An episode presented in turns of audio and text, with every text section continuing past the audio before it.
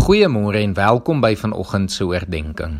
Vanoggend wil ek graag vir ons die verhaal van Gideon uit Rigters 6 vanaf vers 1 tot en met 16 voorlees. Die Israeliete het gedoen wat verkeerd is in die oë van die Here en hy het hulle 7 jaar lank oorgegee in die mag van die Midianiete.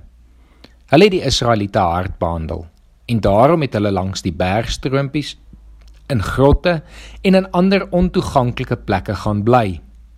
Wanneer die Israeliete iets gesaai het, het die Midianiete teen hulle opgetrek saam met die Amalekiete en ander mense uit die ooste. Dan slaan die Midianiete kamp op en vernietig die opbrengs van die land, selfs tot by Gaza se wêreld.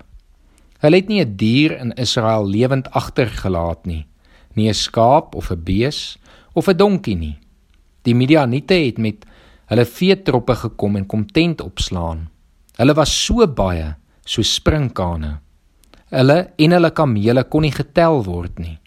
Hulle het die land kaal gestroop.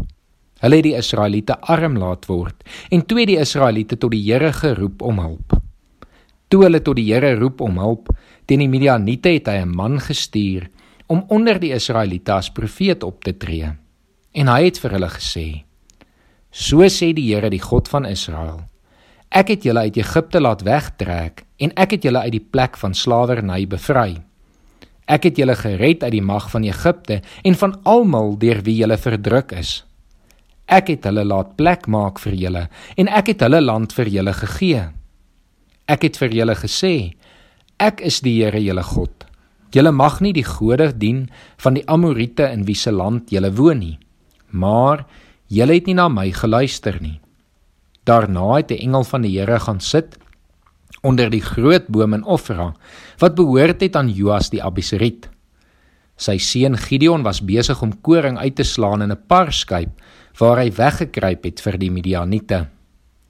Die engel van die Here het aan hom verskyn en vir hom gesê: "Die Here is by jou, dapper man." Maar Gideon het vir die engel gesê: "Ekskuus, meneer. Maar as die Here by ons is, Waarom kom al hierdie dinge oor ons? Waar is al sy magtige dade waarvan ons voorvaders ons vertel het toe hulle gesê het het die Here ons nie uit Egipte bevry nie? Nou het die Here ons in die steek gelaat. Hy het ons oorgegee in die mag van die Midianiete. Toe het die Here na Gideon toe gedraai en vir hom gesê: "Gaan met die krag wat jy het en gaan red die Israeliete uit die mag van die Midianiete." Toe Ek stuur jou. Maar Gideon sê vir hom: "Ekskuus meneer, waarmee sal ek die Israeliete gaan red? Die familie waaraan ek behoort is die armste in die hele Manasse en van my pa se kinders het ek die minste aansien." Die Here het hom geantwoord: "Ek is by jou en jy sal die Midianiete verslaan asof hulle nie meer as een is nie." Ek kan ongelukkig nie vanoggend die res van die verhaal vir ons lees nie, maar jy is welkom om dit self verder te gaan lees. Ek glo egter dat meeste van julle die verhaal ken. Dat julle weet dat Gideon, alhoewel hy bang was en baie getwyfel het, tog uiteindelik die weermag van die Midianiete, wat so baie was dat hulle soos 'n swerm sprinkane gelyk het, wat alles vernietig, kon verslaan. Alhoewel Gideon baie getwyfel het en tekens van die Here gevra het, het hy uiteindelik toegelaat dat die gees van die Here hom in besit neem.